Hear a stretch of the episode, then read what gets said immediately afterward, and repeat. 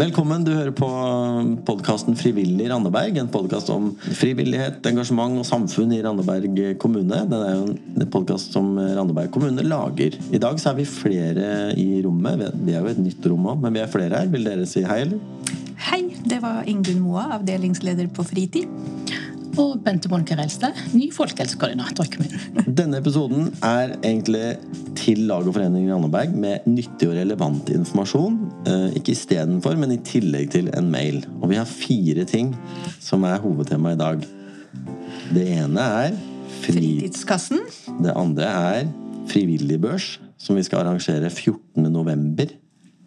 Det tredje er at, at Frivilligsentralen i Randaberg trenger styremedlemmer. Vi skal ha fire stykker med vara fra lag og foreninger i Randaberg. Og sist, men ikke minst, og som vi kommer til å snakke om først, så er det deg, Bente Monica. Ta-da, liksom. Ta-da! Trommevirvel.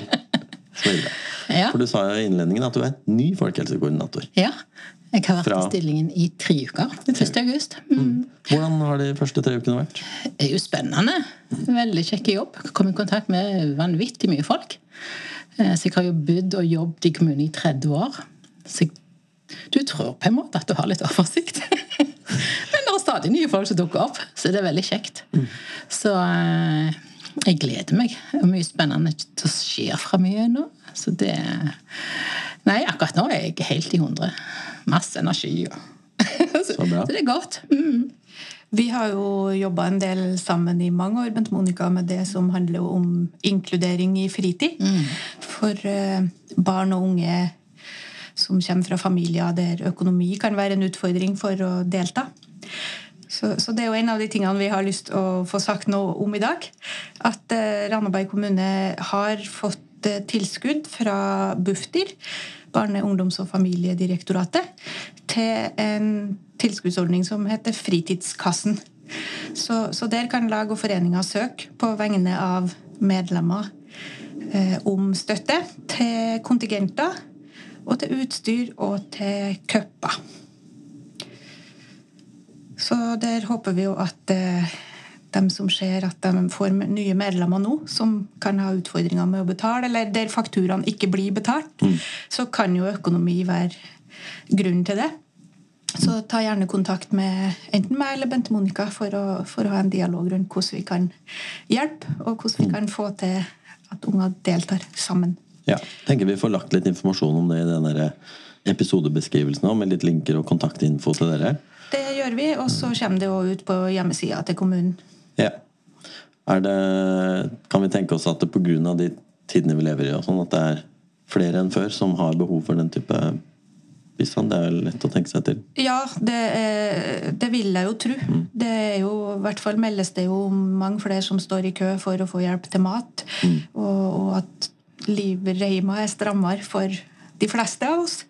Så, så det vil jeg tro. Mm. Men det er jo, det er jo foreninger og lag som, som kjenner best til hvor skoen trykker, og som merker det i sin organisasjon. Så, så vi håper jo at de tar kontakt med oss hvis de ser det behov. Ja. Eh, Så kan en jo også si, eh, hvis noen hører på dette her og ikke hører til foreningslivet, men sitter og kjenner på at jeg har lyst til at mitt barn skal være med, men, eh, men vi har ikke råd til det, så er det òg mulig for, eh, for foresatte å ta kontakt eh, med oss, eller de kan komme til klubben og, og be om hjelp. Det skal, det skal være lett å be om hjelp. ja. Ja. Kjempebra at man har fått støtte til det. Og det syns jeg er litt viktig å understreke. fordi at vi vet det er mellom 200 og 300 barn i Randaberg som lever i, vedvarende lavinntektsfamilier. Eh, Og så er det litt sånn, litt sånn tabubelagt. sant? De skjems litt, og litt sånn. Vi snakker jo ikke høyt om det. Eh, Men her er det ungene sin fritid det er snakk om. For å være med på noe kjekt, så ta gjerne kontakt, altså. Det er mm, ikke skummelt. Det er viktig for ungene sin trivsel, tenker jeg, å ha det godt. Var vi, var vi helt ferdig med introduksjonen av det, eller Bente Monica, er det andre ting du har lyst til å fortelle om eh, deg Så selv? nysgjerrig du er. Ja, jeg ble, du sa jo i stad i det vi logga på her, at du har jobba i nærradio før. Hvordan Å herlighet, skal du gå så langt tilbake? Ja. Du, det var da jeg gikk på videregående, så hadde vi Radio 102 okay. på Haugalandet. Så da hadde vi sånn ungdomsprogram Ja. hver mandag. Hver mandag.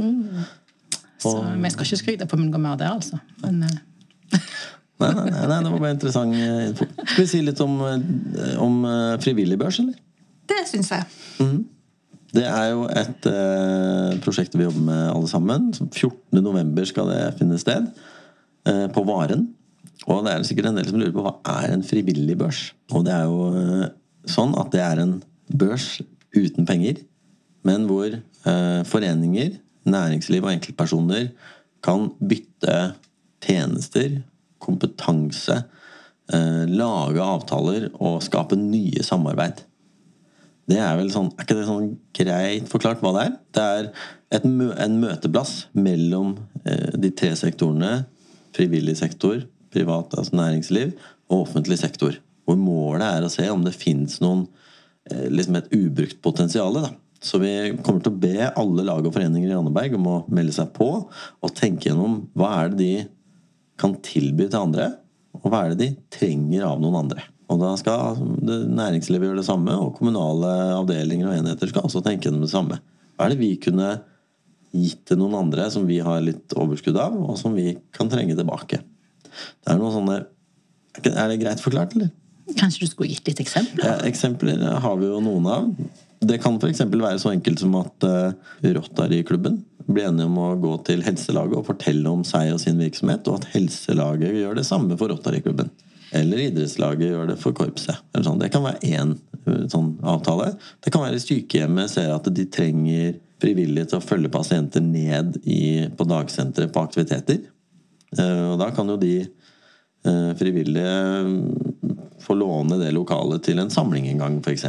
Det var en, et eksempel.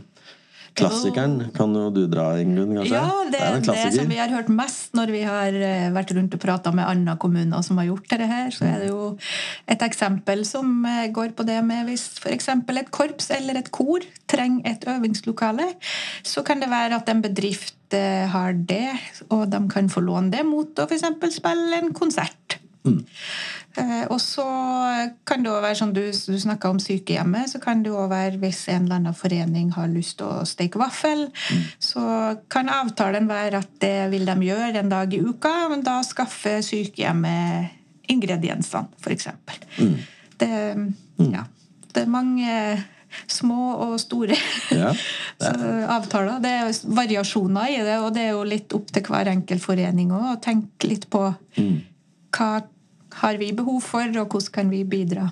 Det, det er mange kommuner omkring som arrangerer frivillig børs, og det viser seg å være en veldig god måte å få folk til å bli kjent med hverandre på, på tvers. Det er jo et sånn, Opplegget er jo at man eh, selvfølgelig har tenkt litt gjennom det på forhånd, men rett før man går inn i selve børsen, så sitter man en times tid og lager plakater som viser at vi tilbyr dette, men trenger dette. Og da sitter man gjerne ved siden av noen andre og kikke litt bort på deres plakat. Å ja, dere trenger det. At man blir litt kjent. Da. Det er en sånn minglefase der som visstnok er veldig viktig, sier de som har arrangert det før. Og så blir man kjent med nye, og så er det børsmeklere, da. Så man kjører jo det børskonseptet veldig, at man har sånn bowlerhatt og skal se litt sånn Og når det blir inngått en avtale, så er det noen som slår i en sånn klokke, sånn som på børsen. Og disse børsmeklerne har som oppgave å gå rundt og liksom se etter matcher. Da. At liksom Ja, jeg ser at eh, den bedriften står der nede og trenger det, men oppi det andre hjørnet her så ser vi jo noen som de bør snakke med, og så kobler de, og så skriver man avtaler, og det er lagd egne skjemaer, og til og med egen sånn software da, som vi bruker til det her. og ting, Alle avtalene kommer opp på en skjerm. og det, er, det blir beskrevet som en sånn veldig gøy og vel, egentlig litt sånn intensivt, for det er bare et par timer. Intensivt og veldig kjekt og hyggelig, og så blir det veldig spennende og nye samarbeid ut av det. Så det kommer vi til å fortelle mer om til lag og foreninger utover høsten. Veldig snart, egentlig. Og til næringslivet og kommunen. Så her kan du rett og slett gjøre et kupp for din forening. Vi nevnte innledningsvis det siste vi skal snakke om. Frivilligsentralen trenger eh, sine første eh, Den skal etablere sitt første ordinære styre i høst. Eh, Og politikerne og de folkevalgte har bestemt at i det styret så skal frivilligheten ha flertall. Det betyr at det skal være fri, fire frivillige representanter fra ra- lag og foreninger i Randaberg. Um, Så vi, vi håper jo da med dette at vi kan eh, oppfordre lag og foreninger til å nominere kandidater som de uh, syns kan egne seg. Og da er det jo litt lurt å si litt om hva, hva, ja, hva forventes av oss eh, til det. Det som styret i Frivilligsentralen skal være med å gjøre, det er å eh, styre retningen på hva Frivilligsentralen skal drive med. Hvilke prosjekter skal vi satse på? Eh, hvordan, eh, hvordan skal han Det er jo per i dag en mann, da, jeg som er ansatt der. Hvordan er det vi skal bruke han? Hva er det han skal bruke tida si på? Det skal være med å bestemme budsjettet, eller foreslå hva som skal være budsjettet for året etterpå. Skal være med å lage rutiner på huset, på Frivillighetens hus. Eh, skal i det hele tatt være med å styre det sånn overordna. Det er jo daglig leder som utfører eh, de tingene sånn i det daglige. Men styret skal være med og, og sette en retning. Da. Og det er også sånn at det styret i Frivilligsentralen vil bli en viktig høringsinstans eh, for frivilligheten. Det er et organ som kommer til å bli hørt i saker som angår frivilligheten. Så det er en viktig plass å sitte, mener jeg. da. Så jeg håper, og Hvis noen lurer på mer eller har spørsmål, så er det bare å ta kontakt. Men vi er veldig gira på at folk eh, melder kandidater. Det ligger et skjema ute som vi kan linke til i episodebeskrivelsen.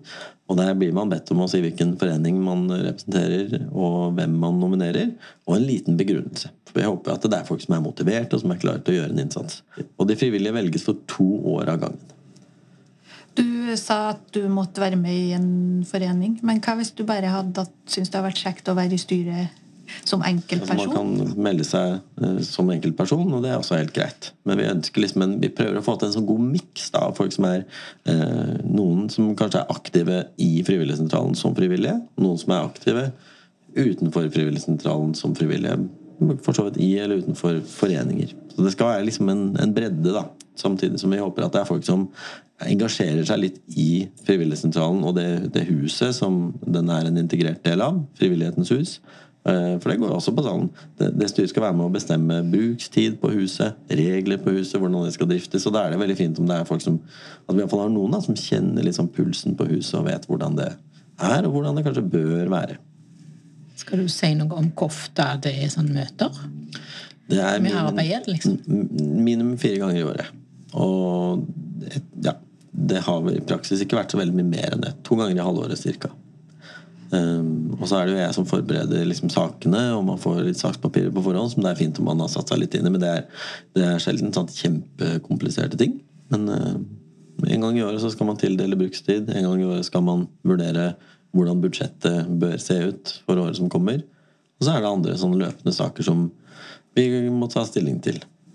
Så blir jo veien litt til mens den går, på en måte. For nå har vi jo hatt et uh samarbeidsutvalg mm. som har fungert som styre i det første året. Mm. Og så blir det styret du etablerer nå, blir jo det første, og det, det nye vedtekter. Så mm. man kan jo være med å forme det òg litt, sannsynligvis. Hvordan arbeidet blir, og hva, hva, styret skal engasjere seg i. og mm. sånn.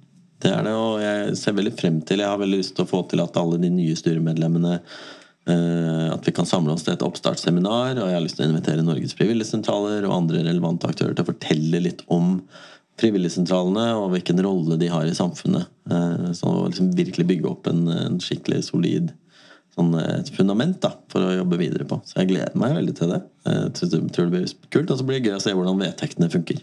Om de funker, for det var jo en men eh, det gikk jo som en farsott i politiske utvalg i vinter, den saken. Så... Ganske på detaljnivå, ja. På ja da. Så det blir gøy å se. Og skal vi, vi, skal evaluere de i 2025.